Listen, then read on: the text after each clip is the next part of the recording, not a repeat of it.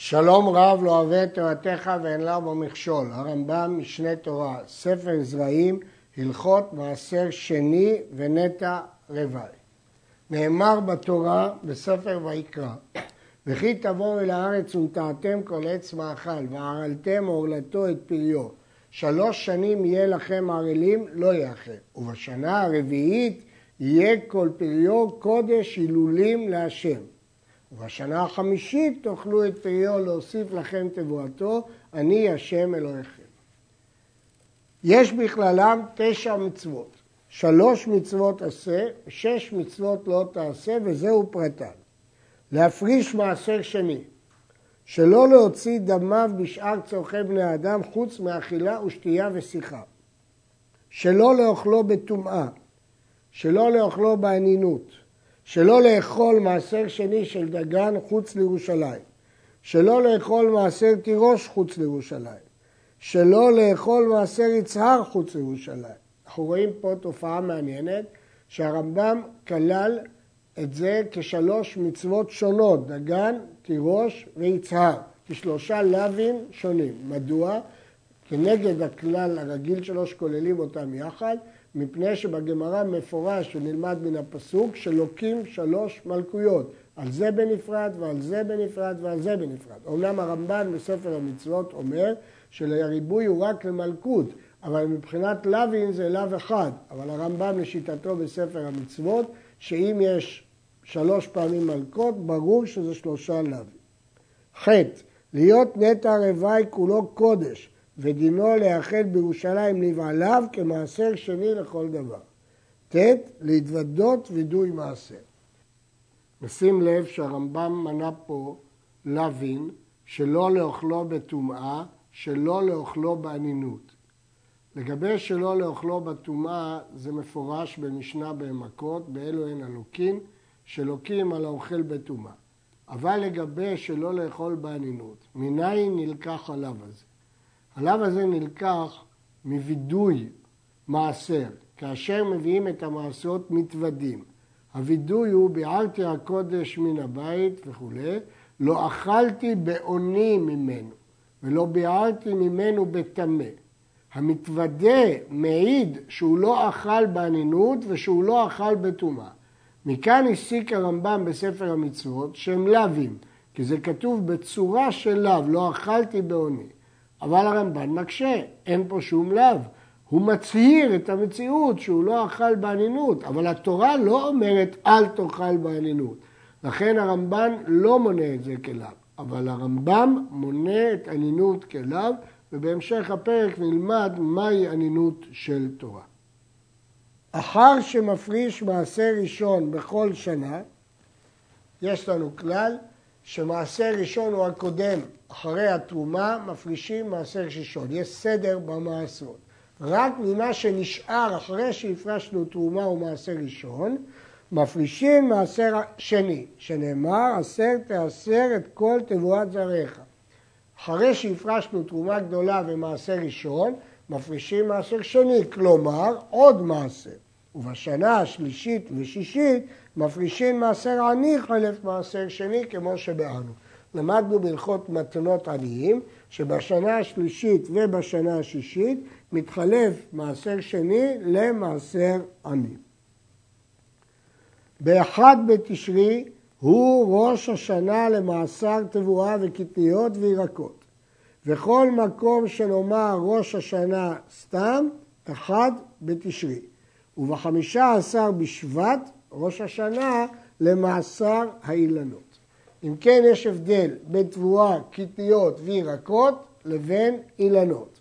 היום הקובע איזו שנה זאת, האם שנה שנייה או שנה שלישית, או שלישית או רביעית, לגבי תבואה, קטניות וירקות, היום הקובע הוא ראש השנה שהוא אחד בתשרי. לעומת זאת, לגבי אילנות, התאריך הקובע כדעת בית הלל בחמישה עשר בשבט. תבואה הם מיני דגן. קטניות, כל זרעים שנאכלים לאדם חוץ מן התבואה. ירקות, כל דבר שמוציא עלים ואוכלים את העלים שלו או את הקלח שלו. כיצד? תבואה וקטניות שהגיעו לעונת המעשרות לפני ראש השנה של השלישית, אף על פי שנגמרו ונאספו בשלישית, מפרישים מהן מעשר שני. כיוון שהתאריך הקובע הוא אחד בתשרי, וכיוון שהשלב הקובע הוא עונת המעשרות, שהוא שליש הגידול, אז אם התבואה והקטניות הגיעו לעונת המעשרות לפני אחד בתשרי, חל עליהם כבר דין של מעשר שני. ואם לא באו לעונת המעשרות, אלא אחר ראש השנה של השלישית, מפרישים מהם מעשר עני. נשים לב, יש פה שני גורמים שקובעים. השלב הקובע בגידול, שזה עונת המעשרות, וראש השנה. אם השלב הקובע, שזה עונת המעשרות, לגבי תבואה וקטניות, חל לפני ראש השנה של שלישית, אז הם עוד שייכים לשנה השנייה, למרות שהם ילקטו בשלישית. ואם השלב הקובע, דהיינו עונת המעשרות, זה בשלישית, אז דינם כשלישית והם חייבים במעשר עני. וכן פירות האילן, שבאו לעונת המעשרות, קודם חמישה עשר בשבט, שהוא התאריך הקובע לגבי האילנות, של השלישית, אף על פי שנגמרו ונאסרו אחרי כן, בסוף שנה שלישית, מתעשרים לשעבר, כיוון שהתאריך הקובע לגביהם היה לפני ט"ו בשבט. ומפרישים מהם מעשר שני. וכן אם באו לעונת המעשרות קודם חמישה עשר בשבט של רביעית, אף על פי שנגמרו ונאסרו ברביעית, מפרישים מהם מעשר עני, כי הם שייכים לשנה השלישית.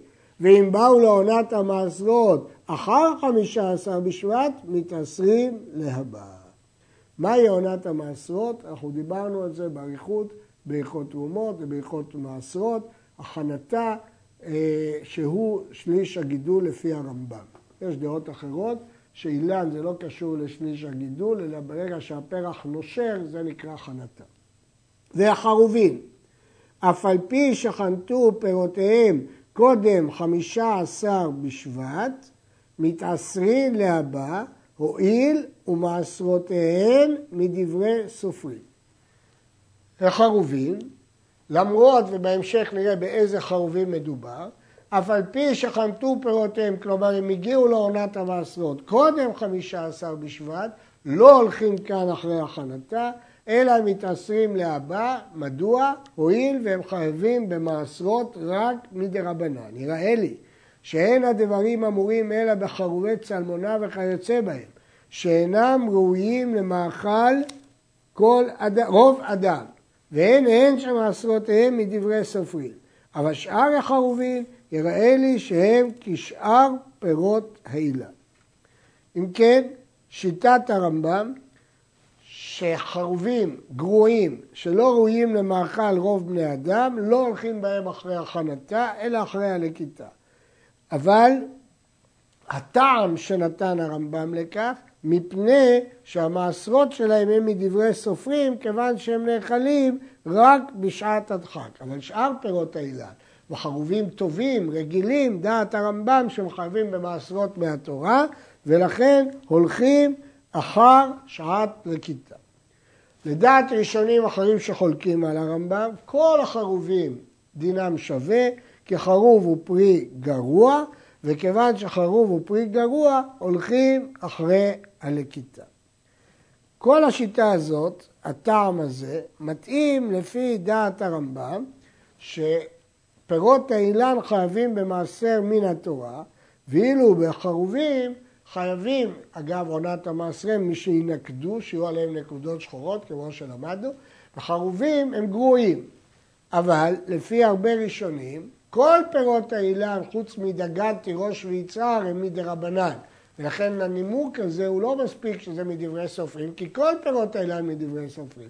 אלא הנימוק הוא בגלל שהם פירות גרועים, כך בעיר הראב"ד כאן. הירק בשעת לכיתתו איסורו.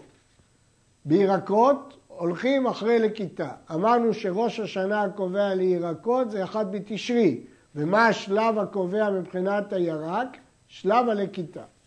כיצד? אם נלכד ביום ראש השנה של השלישית, אף על פי שבא לעונת המעשרות ונגמר בשנייה, מפרישים ממנו מעשר עני. ואם נלכד ברביעית, מעשר שני. לא הולכים בירקות אחרי גמר מעשרות, אפילו שהוא נגמר לגמרי בשנייה, הולכים אחרי לכיתה. הלכיתה היא הקובעת. יש ראשונים אחרים, וכך פוסק גם השולחן ערוך. יש ראשונים אחרים, הרמב"ן ואחרים, שחולקים וסוברים שאם הירקות נגמרו לגמרי בשנייה, ולהפך כשהם נשארים בקרקע הם התייבשו, למרות שבפועל הוא לא לקט אותם עד ראש השנה או אחרי ראש השנה, כבר הם נקראים שהם נגמרו לפני השנה השלישית. אבל דעת הרמב"ם והשולחן ערוך שלא מתחשבים מתי הגמר שלהם, הכל הולך אחר הלקיטה בפועל. ואם נלקט ברביעית, מעשר שני, כי הכל הולך אחר הלקיטה. וכן האתרוג בלבד משאר פירות האילן, הרי הוא כירק, והולכים אחר לכיתתו. אתרוג גדל על כל מים. כיוון שהוא גדל על כל מים כירק, נתנו לו דין ירק שהולכים בו אחר לכיתה לעניין מעשר. יש אומרים שהוא הדין, כך דעת החזון איש, תפוז ולימון ופרי הדר שמשקים אותם כמו אתרוג, לפי אה, דעת החזון איש, אם הם שווים לתפוז בפרי, אולי הם כמו מין אתרוג וצריך להחמיר ולהסר גם בשעת לכיתה. בכל אופן באתרוג ברור שהוא כירק כיוון שהוא ניזון על כל מים, ממשיך מדברי הרמב"ן, והולכים אחר לכיתתו בין למעשר בין לשביעית. ובכן הרמב"ם אומר שגם לעניין שביעית הולכים אחרי הלכיתה. עוד מעט נראה מה פירוש לעניין שביעית. אבל לעורלה הולכים אחרי חנתה גם באתרוג. אבל לעניין מעשר ולעניין שביעית הולכים אחרי לכיתה. והרמב"ם יסביר. כיצד? אמרנו שהתאריך הקובע לאילנות זה חמישה עשר בשבט. אם נלכד בשלישית אחר חמישה עשר בשבט, מפרישים ממנו מאסר עני, אף על פי שנגמר בשנייה. מדוע? כיוון שאתרוג הוא כמו ירק שהולכים אחרי לכיתה, ולכן גם אם הוא נגמר בשנייה, אם הוא נלקט אחרי חמישה עשר בשבט של השלישית, נותנים לו דין של שלישית. וכן, אם נלקט ברביעית קודם חמישה עשר בשבט, מפרישים ממנו מאסר עני. נלכד בה ברביעית אחר חמישה עשר בשבט, מפרישים ממנו מעשר שני. ואף על פי שהולכים אחר לכיתתו, אתרוג בת שישית שנכנסה לשביעית, אפילו הייתה כזית ונעשית ככד, חייבת במעשרות. פירות שנת השמיטה פטורים מן המעשרות. אז לכאורה אם הלכנו בין למעשר, בין לשביעית, אחרי הלקיטה, אז היינו צריכים לפסוק שאם לקטו יוצא בשנת השמיטה, אחרי ט"ו בשבט, היא פטורה מן המעשרות. אבל, אומר הרמב"ם שלעניין זה מחמירים ללכת גם אחרי חנתה. וכיוון שהגמר היה אה, לפני השמיטה, אז מחמירים והיא חייבת במעשרות, בחומרה. חייבת במעשות דומות. זה דווקא באתרוג של שישית שנכנס לשביעית. אבל שביעית שיצא למוצאי שביעית, ודאי שדינו קהילה. עכשיו יש לשאול. הרי אמרנו שאתרוג כירק אחרי לכיתה בין למעשרות בין לשביעית, כלומר לעניין קדושת שביעית ולעניין דין ביאור ולעניין דין הפקר נותנים לו אחרי לכיתה. יוצא שאם האתרוג הזה נלקט אחרי חמישה עשר בשבט של שנת השמיטה, מצווה להפקיר אותו, כמו שמצווה להפקיר את כל פירות שביעית. אז איך ייתכן שהוא חייב במעשרות אם הוא נגמר בשישית? הרי הוא פרי מופקר, אז מדין הפקר לפתור אותו מן המעשרות. התשובה צריכה להיות שהסיבה שהפקרת כי נתת לו דין של שמיטה, אבל אנחנו מחמירים שייתכן שעניין מעשרות אין לו דין של שמיטה, אז לעניין זה הוא לא מופקר. למרות שהתורה הפקירה, הפקירה את זה מדין שביעית, אבל היות ואתה מחמיר ומתייחס לזה כשנת השישית, לכן זה חייב למעשרות לחומרה. נסכם. התאריך הקובע לגבי אתרוג זה חמישה עשר בשבט, כמו לכל פירות האילן. אבל השלב הקובע הוא הלקיטה.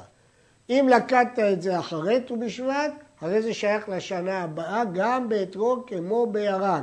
בין לעניין מעשרות, איזה שנת מעשר היא, בין לעניין שמיטה, דהיינו שחייב בביאור ובקדושת שביעית וחייב להפקירו כשנת השמיטה.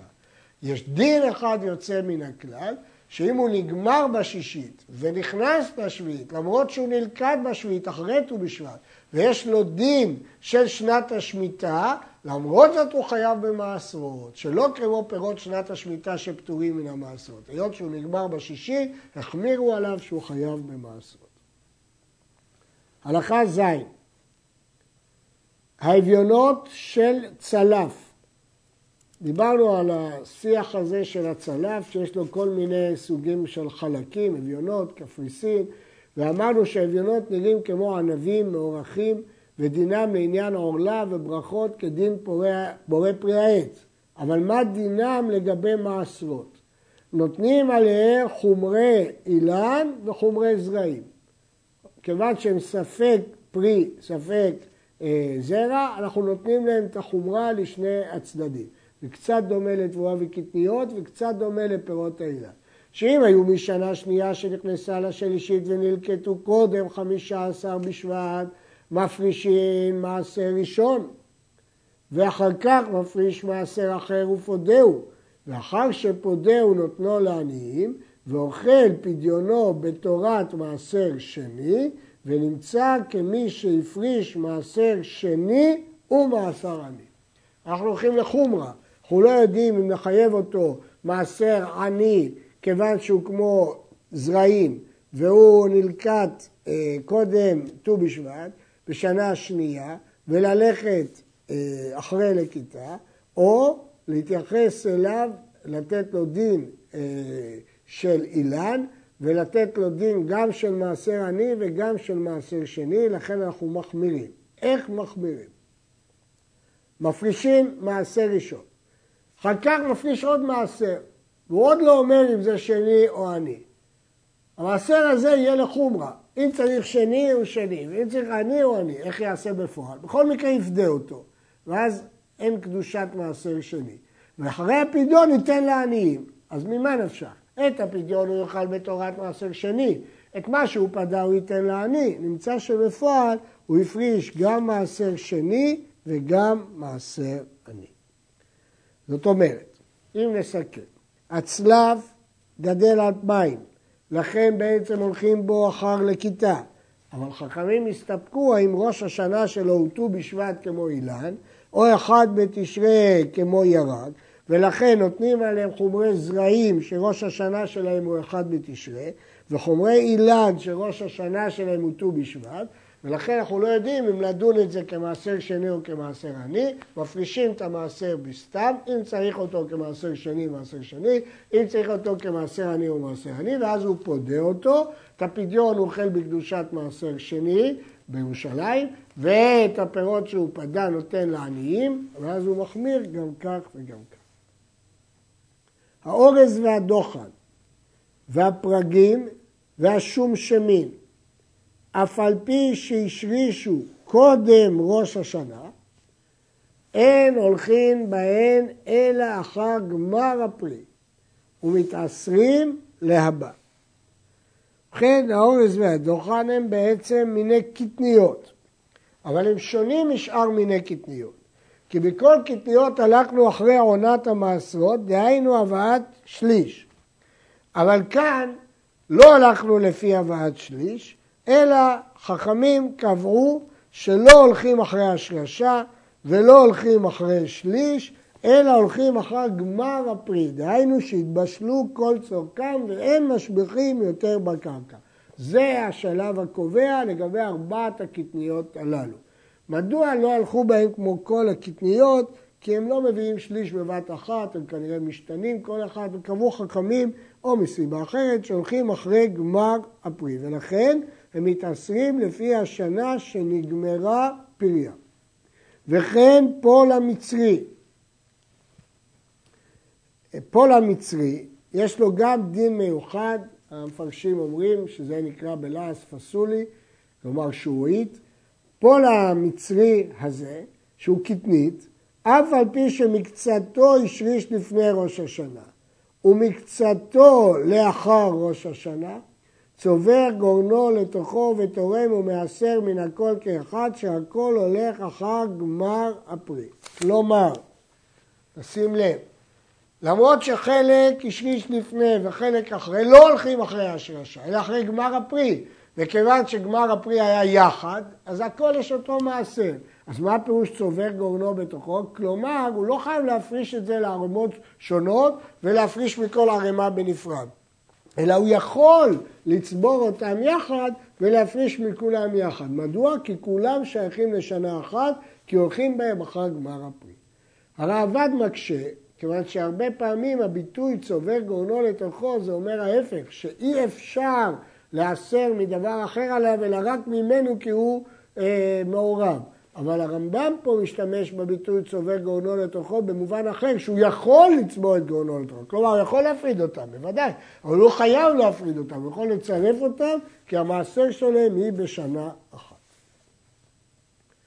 הבצלים הסריסים, אלה בצלים שזקוקים להרבה מים.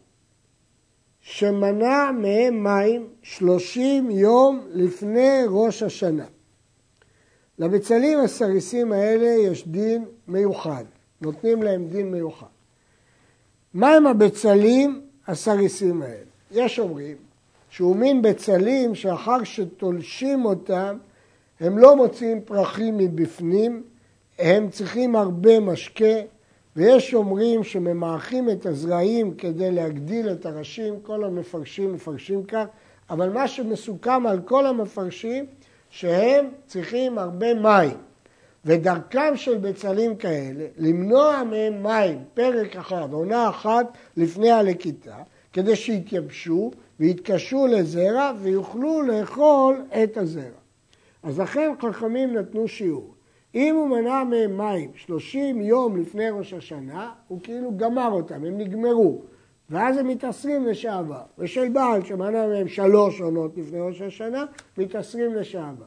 מנע מהם פחות מכאן, אף על פי שהתחילו לבש קודם ראש השנה, מתעשרים לש... להבא, מכיוון שעוד לא, הפרי לא נגמר, הוא ממשיך לגדול. מה אם הוא מנע מים, שבעצם הוא עוצר את הגדילה, הוא מייבש את הזרעים, ואז זה מתעשר לשעבר. הלכה י' ההלכה הזאת שנלמד עתה של פול המצרי היא קשה מאוד ברמב"ם. יש עליו קושיות רבות וחמורות שמקשה הראב"ד כאן. אבל כפי שהעיד מארי קורקוס, הרמב"ם העתיק את לשון הירושלמי במסכת שביעית, פרק שני, הלכה ה', מילה במילה, תיבה בתיבה, אות באות. ולכן הקשיים החמורים שמעיד עליהם הראב"ד הם לא ברמב"ם אלא בירושלמי. ואכן, הראב"ד הרגיש בכך, והוא אומר, נכון, זה ירושלמי, אבל ירושלמי משובש, ואי אפשר להעתיק ירושלמי משובש להלכה, כי יש בו קשיים חמורים. אבל הרמב"ם ראה שהוא מפורש בירושלמי, הוא פסק אותו להלכה למרות הקשיים. יש כאן מחלוקת עקרונית. הרב"ד לא מוכן לפסוק להלכה ירושלמי שניכר בו שיש בו קשיים רבים וחמורים, ואילו הרמב"ם, כיוון שזה ירושלמי, הוא פוסק אותו להלכה. מה פתרון הקשיים החמורים האלה ברמב"ם? ישנם שני פתרונות עיקריים. יש ששינו את הגרסה. החזון איש קטע את הרמב"ם האלה לקטעים וצירף אותם בצורה אחרת. הוא עשה את זה פעמיים בהלכות שביעית והלכות מעשר בשתי צורות שונות, אבל אם אה, קוטעים ומשנים את הקטעים ברמב"ם, הרמב"ם מתיישר. הדרך הזאת קשה, כי צריך בשביל זה שינויי נוסח רבים מאוד ברמב"ם שאין להם עדי נוסח, אבל צריך גם לשנות את הירושלמי, כי כפי שאמרנו, הרמב"ם העתיק אות באות מן הירושלמי. בכל זאת, הרב קניאבסקי בספרו דרך אמונה הולך לפי הפתרון של החזון איש. יש פתרון אחר, שאומנם יש בו דוחקים, אבל הוא פותר את הרמב"ם ואת הירושלמי, וזהו פתרונו של המערי קורקוס, ואנחנו נלך עם הפתרון הזה. פול המצרי, המפרשים מסבירים שפול המצרי זה מה שקוראים היום שורית, פסולי בערבית. יש בה זרעים ויש בה תרמילים, ירק. יש אנשים שזורים את זה על דעת זרעים, ויש אנשים שזורים את זה על דעת לאכול את הירק, את התרמילים. אבל יש הבדל גדול. אם הולכים אחרי הזרעים, זה דין של קטניות, שהולכים אחרי גידולו, כלומר שליש גידולו. ואילו אם הולכים על הירק, ירק הולך אחרי לכיתה, ומכאן נובעות ההלכות הבאות. פול המצרי, שהביא שליש, שזאת עונת המעשרות שלו, לפני ראש השנה, אם זרעו לזרע, מתעשר לשעבר. כיוון שהוא זרע אותו לצורך הזרע, דינו כקטניות, והוא הולך לפי הבאת שליש, וכיוון שזה הביא שליש לפני ראש השנה, אם כן, דינו כדין השנה שעברה. זרעו לירק, אבל אם הוא זרע כדי לאכול את התרמילים שלו, את הירק שלו, זה הולך אחרי לכיתה, והוא לקט אותו בשנה הבאה, מתעשר להבא. אז הדין הזה הוא פשוט.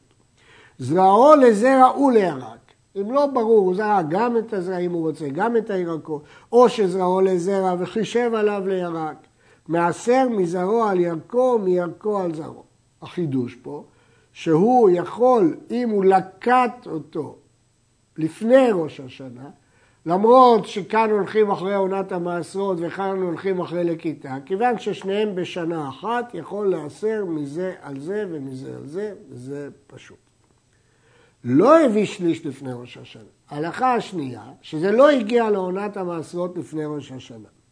אם זרעו לזרע, זרעו מתעשר לשעבר, וירקו בשעת לכיתתו, והוא שלקט ממנו לפני ראש השנה. זאת ההלכה הקשה ביותר. הרי לא הביא שליש לפני ראש השנה, כלומר הוא לא הגיע לעונת המעשרות. אם כן, מדוע אם הוא לקט ממנו לפני ראש השנה, זרעו מתעשר לשעבר? מה ההיגיון? ירקו אחרי לכיתה, אז זה מובן שירקו בשעת לכיתתו. אבל למה הזרע מתעשר לשעבר? הרי זה לא הגיע לעונת המעשרות. על כך מתרץ מרי קוקוס שני תירוצים. תירוץ אחד, שמחשבת הזרע מתבטלת לגבי הירק, כיוון שרוב האנשים מגדלים לירק. התירוץ השני, שכיוון שהוא ליקט אותו כבר, הוא הוכיח שבשבילו זה גמר בישולו, למרות שהוא לא הביא שליש. אלה שני תירוציו של מארי קורקוס. אבל אם ליקט אחר ראש השנה, בין ירקו בין זרעו מתעשר להבא. הדין הזה הוא פשוט.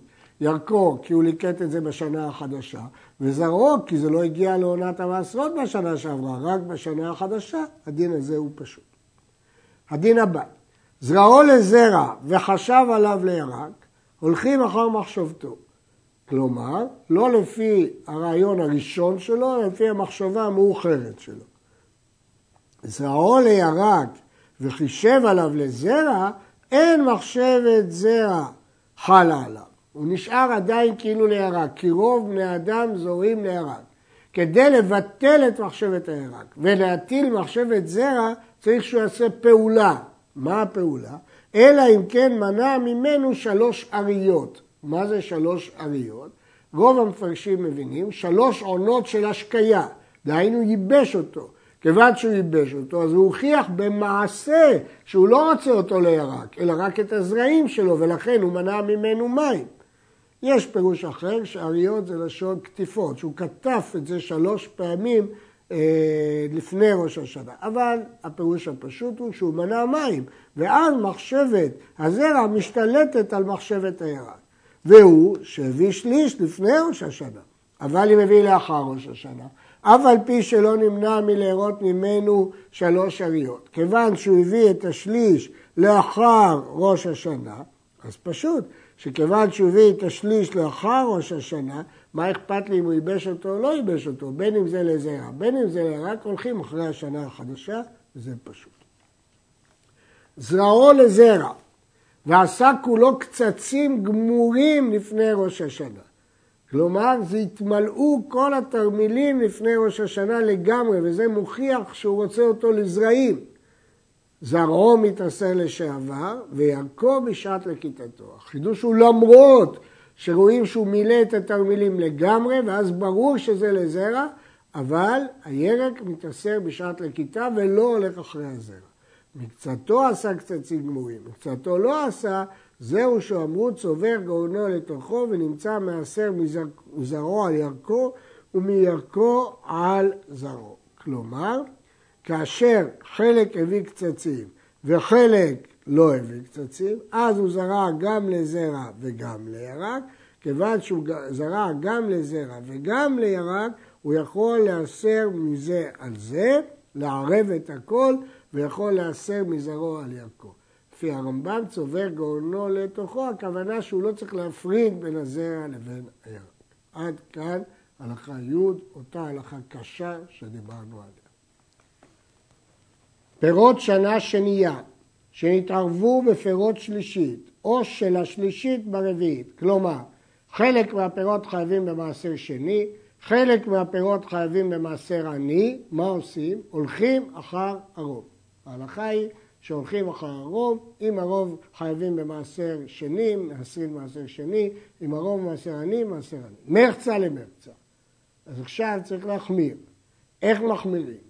מפריש מעשר שני מן הכל, אבל לא מעשר עני, שמעשר שני חמור, שהרי הוא קודש ומעשר עני חול. מה פירוש הדבר? הוא מפריש מעשר, או שני או עני. הוא נותן לו דין של מעשר שני, כי הוא חייב, הוא קודש. בלי שהוא יפדה אותו הוא קודש, אסור לאוכלו. לכן הוא חייב לפדות אותו. עכשיו, למה שלא נאמר שלחומרה ייתן אותו גם בתור מעשר עני? כיוון שהמוציא מחברו, עליו הראייה, וכיוון שזה ספק, הוא לא חייב לתת אותו בתור מעשר עני, אבל הוא חייב לפדות אותו כי הוא קודש. וכן פירות שאין ספק אם פירות שנייה אינו פירות שלישית, מפריש מהם מעשר שני. מדוע? הוא מפריש מעשר, אם צריך שני, שני, אם צריך עני, עני. אבל לחומרה הוא חייב לפדות את זה כמעשר שני כדי שלא יהיה קודש, ולעני הוא לא חייב לתת כי המוציא מחברו עליו הראייה. יש לשאול, הרי למדנו אה, בפרק הקודם שכשהיה ספק נתנו לעניים. התשובה היא תלוי איזה ספק. שם זה היה ספק בדין, לכן הוא נתן לעני. אבל פה זה ספק במציאות. כיוון שזה ספק במציאות, הוא לא חייב לתת לעני כי המוציא מחברו עליו הראייה. איפה אמר הרמב"ם שכשיש ספק בדין נותן לעני? בהלכה ז' לגבי אביונות. לגבי אביונות של צלף, אמרנו שמפריש מעשה ראשון, אחר כך מפריש מעשה אחרי הוא פודה, ואחר שפודה הוא נותנו לעניים ואוכל פדיונו בתורת מעשר שני. ראינו כשיש ספק נותן לעניים, וכאילו, ופה כשיש ספק לא נותן לעניים.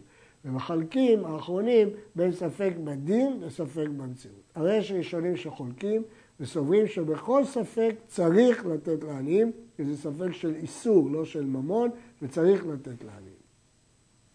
כל הפטור ממעשה ראשון פטור מן השני ומן העני, וכל שחייב בראשון חייב בהם. כל מה שלמדנו בהלכות מעשר ראשון שפטור, אותו דין יש למעשר שני ולמעשר עני, למדנו את זה בהרחבה, למשל דבר שהוא לא מאכל אדם וכדומה. וכל התורם מעשר, כל מי שמותר לו לתרום, למדנו בהלכות תרומות, פרק ד', מותר לו גם לעשר.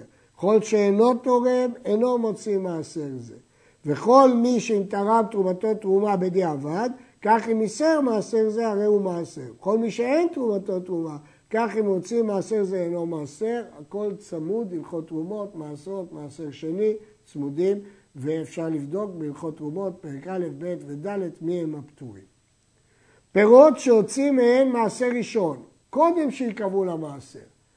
אמרנו שיש כמה דברים שקובעים למעשר, הבית, החצר, המלח, המקח, אבל הם עוד לא נקבעו למעשר והוא כבר הוציא מהם מעשר ראשון. הרי זה אוכל מהם ארעי קודם שיוצאים מעשר שני. אם הוא היה מוציא תרומה, תרומה זה אחד הדברים שקובעים. אמרנו שאם מוציא תרומה זה קובע, אבל מעשר ראשון זה לא קובע. למרות שהוא הוציא מעשר ראשון, הפרי עדיין הוא ארעי, הוא עוד לא נקבע למעשרות, ולכן יכול לאכול ארעי לפני שיוציא מעשר שני. שאין הראשון קובע על השני, שלא כמו תרומה. אבל מי שנקבעו למעשר, אף על פי שהוציא את הראשון, אסור לאכול מהם ארעי, עד שהוציא את השני, עוד מעשר עני, כיוון שכבר נקבעו למעשר, אז כבר הוא לא יכול לאכול עד שיוצא אפילו ארעי. מעשר שני, הואיל והוא טעון הבאת מקום, דהיינו לאכול אותו בירושלים, אין מביאים אותו מחוצה לארץ, כבכור בהמה.